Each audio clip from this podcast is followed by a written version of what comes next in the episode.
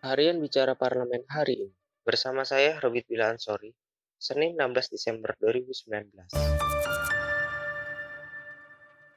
Anggota Komisi 9 DPR RI, fraksi Partai Keadilan Sejahtera, Neti Prasetyani, menentang rencana izin edar obat dan makanan dikelola Kementerian Kesehatan atau Kemenkes. Ia meminta izin edar tersebut tetap di bawah kendali Badan Penanganan Obat dan Makanan atau BPOM. Menurutnya, sebagai badan yang bertugas melakukan pengawasan peredaran makanan, menurutnya, sebagai badan yang bertugas melakukan pengawasan peredaran makanan dan obat di masyarakat, BPOM harus mendapatkan dukungan penguatan kelembagaan dari DPR.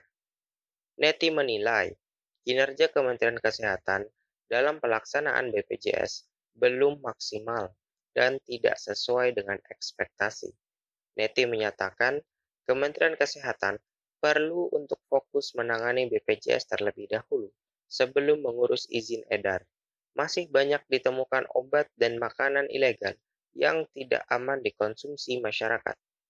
Hal tersebut berdasarkan temuan Badan Penanganan Obat dan Makanan atau BPOM di lapangan. Neti menuturkan, dalam sebuah penelitian Operasi Opson 8 tahun 2019, sebuah operasi global di bawah Polisi Internasional atau Interpol, ditemukan bahan pangan dan obat ilegal senilai 61 miliar rupiah yang terkandung dalam pangan segar maupun olahan.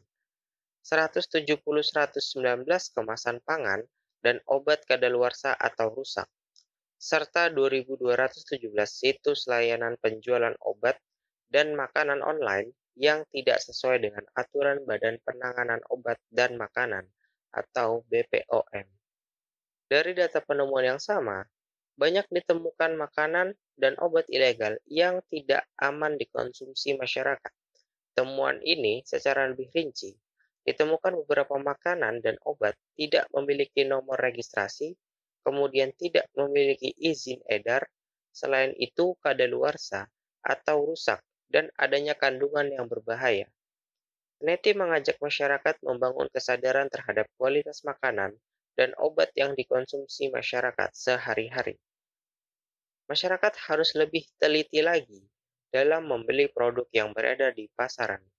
Masyarakat dapat ikut mengawasi peredaran dengan prinsip klik atau KLIK, yaitu kemasan, label, izin edar, dan masa kadaluarsa sebelum membeli dan mengkonsumsi pangan atau obat.